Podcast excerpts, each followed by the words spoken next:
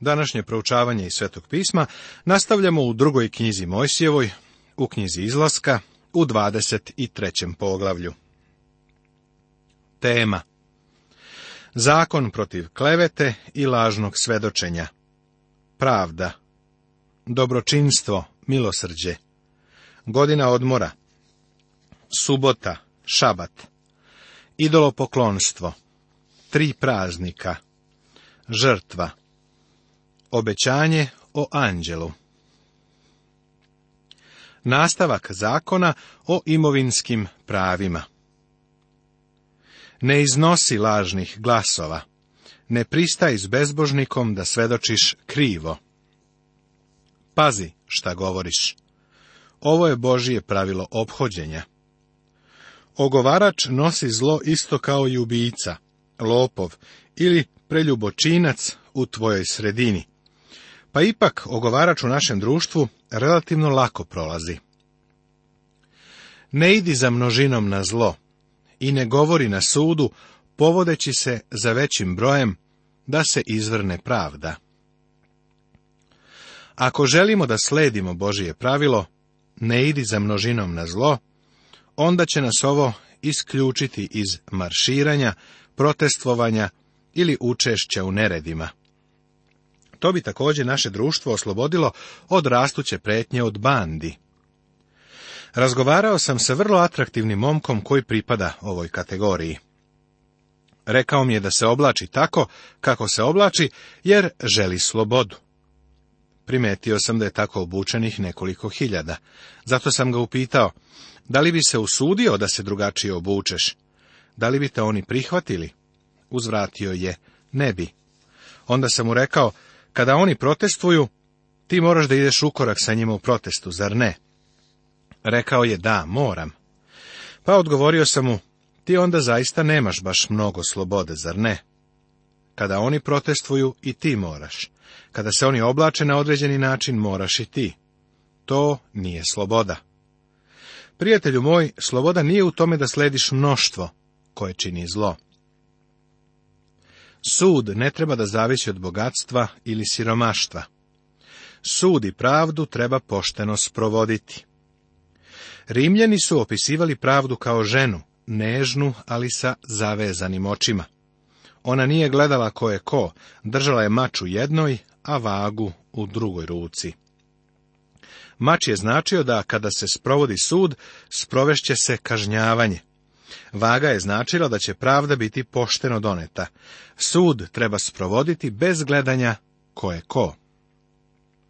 Zakon o zemlji i suboti Bog Izraelcima ponovo daje zakon o suboti, o šabatu i o subotnjoj godini. Šest godina zasijevaj zemlju svoju i sabiraj rod njezin. A sedme godine ostavi je neka počine, da jedu siromasi naroda tvojega a što iza njih ostane neka jedu zveri poljske. Tako radi i s vinogradom svojim i s maslinikom svojim. Bog će ovaj zakon ponovo razmotriti sa Izraelom kada uđu u obećanu zemlju. Predmet subotnjeg dana i subotnje godine i oprosna godina obrađene su u Levitskoj knjizi, odnosno u trećoj knjizi Mojsijevoj, svetog pisma Staroga Zaveta. Ukratko, subotni dan je bio sedmi dan u nedelji i bio je dan strogog odmora. Subotnja godina je bila sedma godinja. Godina odmora za zemlju od obrađivanja. Oprosna godina se naziva i godinom slobode. Svake 50. godine bivali su oslobođeni jevreji koji su prethodno bili prisiljeni da se prodaju u roblje.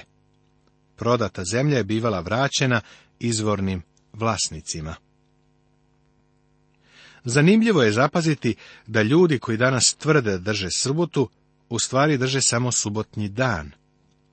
Oni zanemaruju subotnju godinu, posebno ako su zemljoradnici, a u potpunosti se ne obaziru na oprosnu godinu. Tri nacionalna praznika Tri puta preko godine svetkuj mi praznik presnih hlebova drži, sedam dana jedi hlebove presne, kao što sam ti zapovedio, na vreme meseca Aviva, jer si tada izašao iz misira, i niko da ne izađe preda me prazan. I praznik žetve prvina od truda tvojega, što poseješ u polju svojem. I praznik berbe na svršetku svake godine, kad sabereš trud svoj sa njive tri puta preko godine sve muškinje tvoje da izlazi pred gospoda Boga. Tri puta godišnje svi jevrejski muškarci su morali da izađu pred gospoda u Jerusalimu. Tri praznika su morali da slave. Prvo, praznik Pashe, odnosno presnih hlebova. Drugo, praznik Pentekosta, odnosno praznik žetve ili praznik sedmica. I treće, praznik Senica, odnosno praznik Berbe. Praznik Pashe, sećaš se, bio je ustanovljen u spomen toga što je Izrael sačuvan od posljednjeg zla koje je snašlo Egipat i u spomen njihovog oslobođenja iz te zemlje ropstva. O ovome će se detaljnije razgovarati pre nego što uđu u obećanu zemlju obećanja i uputstva u vezi sa izraelskim porobljavanjem zemlje. Evo, ja šaljem anđela svojega pred tobom, da te čuva na putu i da te odvede na mesto koje sam ti pripravio. Čuvaj ga se i slušaj ga, nemoj da ga rasrdiš, jer vam neće oprostiti greha, jer je moje ime u njemu. Stalno se nameće pitanje o tome ko je ovaj anđeo. Drugi delovi Svetoga pisma ovo rasvetljavaju i daju odgovor. Prva poslanica Korinčanima, deseto poglavlje, četvrti stih Svetoga pisma Novog Zaveta kaže I svi su pili isto duhovno piće, jer su pili iz duhovne stene koja ih je pratila, a ta stena beše Hristos. A prva poslanica Korinčanima, deseto poglavlje, deveti i deseti stih nastavlja – Nemojmo ni gospoda iskušavati, kao što su ga neki od njih kušali, pa izgiboše od zmija. I ne gunđajte, kao što su neki od njih gunđali, pa izginuli od onoga koji ubija. Gospoda Isusa su morali da slušaju. On je onaj koji je ovde predstavljen. Jer će anđeo moj ići pred tobom i odvešćete u zemlju Amorejsku i Hetejsku, i Ferezejsku, i Hananejsku, i Jevejsku, i Jevusejsku, i ja ću ih istrebiti.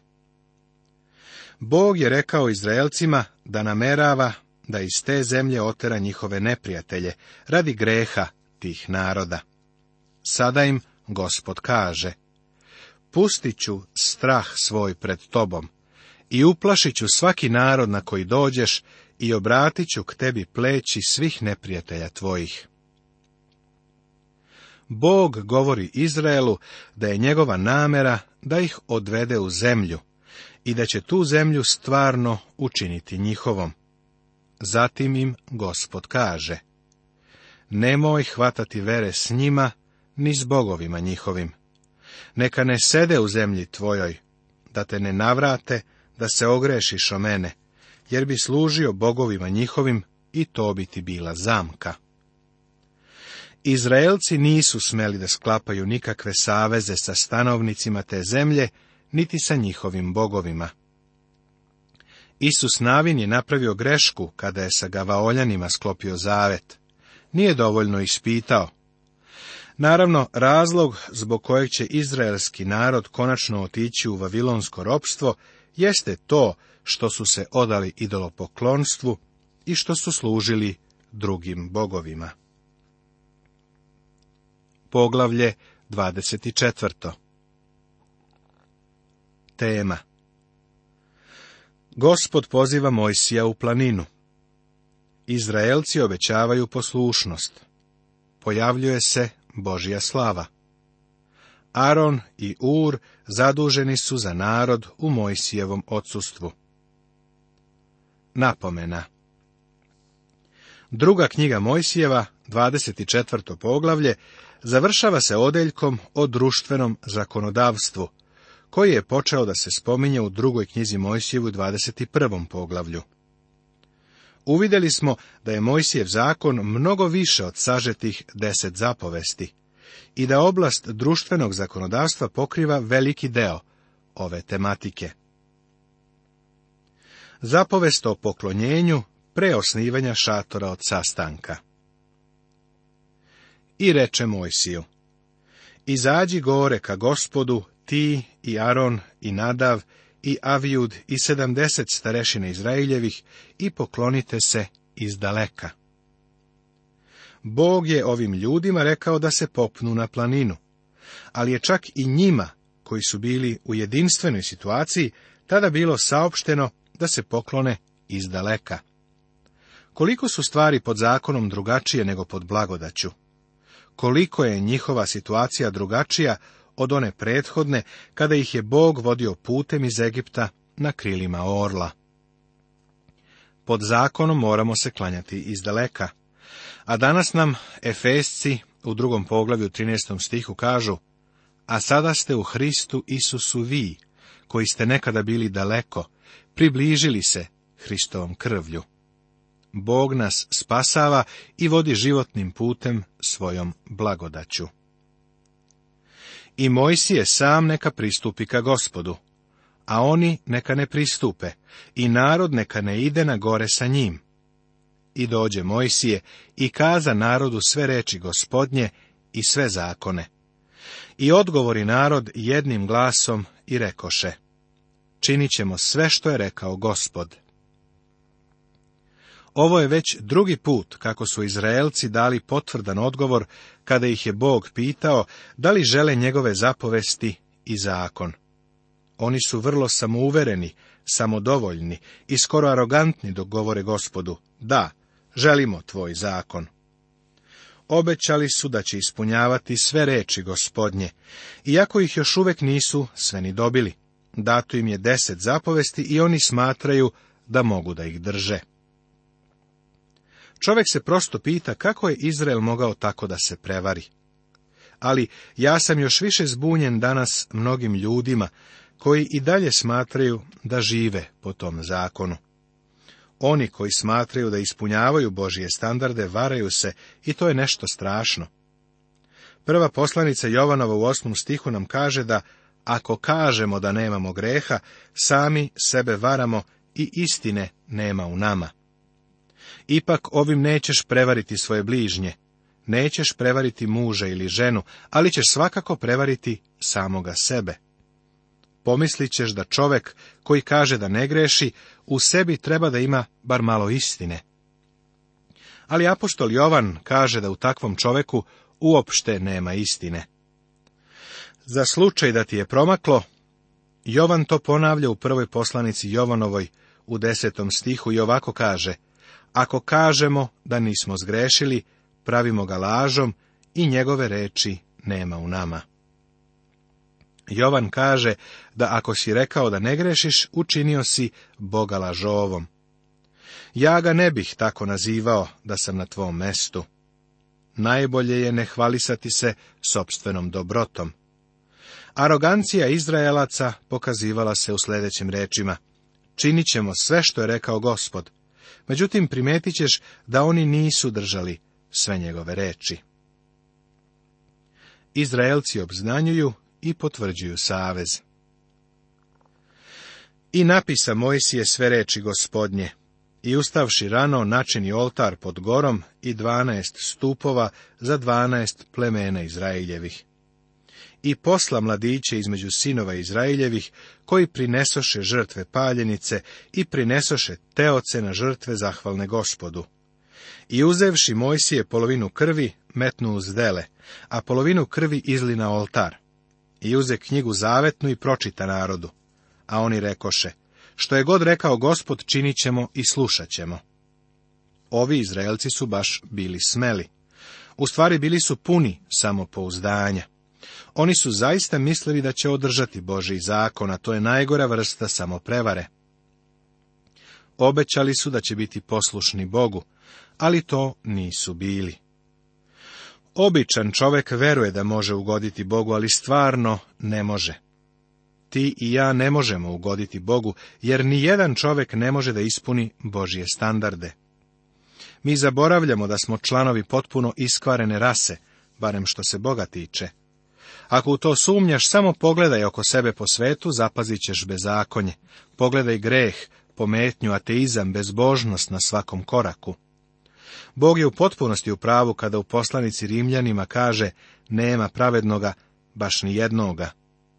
Živimo u vremenu kada se greh naziva dobrim, kao što se i zlo naziva dobrim. Prorok je rekao da će takav dan doći, pa svakako je stigao. A Mojsije uze krv i pokropi njom narod i reče, evo krv zaveta, koji učini gospod s vama za sve reči ove. Čak i pre nego što im Bog daje zakon, Izraelci su pokropljeni krvlju, da bi im se dalo do znanja da žrtva mora da postoji. Jevrejima 9.22 kažu, i po zakonu se skoro sve čisti krvlju, i bez prolivanja krvi nema oproštaja. Bog će ovo mnogo puta ponoviti.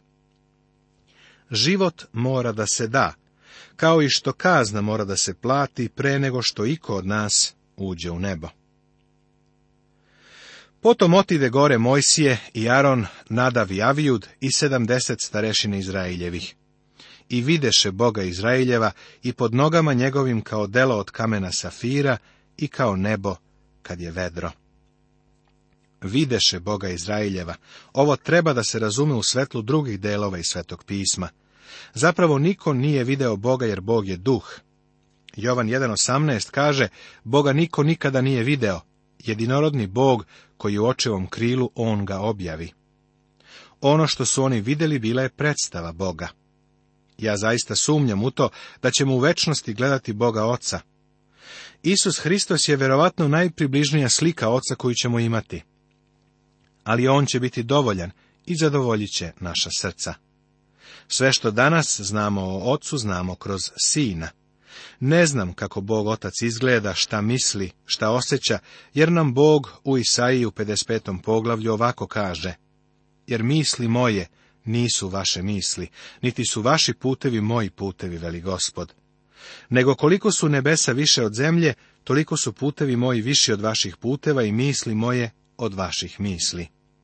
Ali Isus ga je otkrio nama. Mojsije, Aron, Nadav, Avijud i sedamdeset izraelskih starešina nisu vidjeli Boga Oca nego njegovu predstavu. I ne pruži ruke svoje na izebrane između sinova Izraeljevih, nego videše Boga, pa jedoše i piše. U ovom stihu, kao i u prethodnom, oni su vidjeli predstavu Boga. Kasnije Mojsije moli Boga da ga vidi jer sve što je do tada video bilo je njegova predstava. Mojsije je želeo da vidi Boga. I Filipova molitva u gornjoj sobi je bila da vidi Boga. Filip je rekao, gospode, pokaži nam oca i nama je dovoljno. A gospod je odgovorio, toliko vremena sam s vama i nisi me upoznao, Filipe. Ko je video mene, video je oca. Kako onda govoriš, pokaži nam oca? Ako želiš da vidiš Boga, prijatelju, morat ćeš preko Isusa Hrista. Jer Bog je jedan i jedan je posrednik između Boga i ljudi, čovek Isus Hristos. Dolaziš kroz Isusa Hrista posrednika. Hristos je onaj čiji je dan Jov čezno da vidi. Hristos jednu ruku daje ocu, a drugu tebi, pa tako spaja tebe i oca. Mi ne dopiremo sami do Boga oca i to treba da nam je jasno. Tada usta Mojsije sa Isusom koji ga služaše i izađe Mojsije na goru Božiju. Sada Isus navin sve više počinje da se ističe i da dolazi do izražaja. Bog ga priprema za Mojsijevog naslednika. On je mladi čovek i Bog još mnogo čemu ima da ga uči pre nego što Isus Navin bude spreman da predvodi Izraelce. A starešinama reče, Sedite tu dok se vratimo k vama. A eto Aron i Or sa vama. Ko bi imao što neka ide k njima. I otide Mojsije na goru, a oblak pokri goru. I beše slava gospodnja na gori Sinajskoj. I oblak je pokrivaše šest dana. A u sedmi dan viknu Mojsija ispred oblaka. I slava gospodnja beše po viđenju kao oganj koji sažiže na vrh gore pred sinovima Izraeljevim. I Mojsije uđe usred oblaka i pope se na goru, i osta Mojsije na gori četrdeset dana i četrdeset noći. Za to vreme provedeno na gori Sinaj, Mojsije je primio savete koji su izneti u ostatku knjige. Ovim smo završili 24. poglavlje.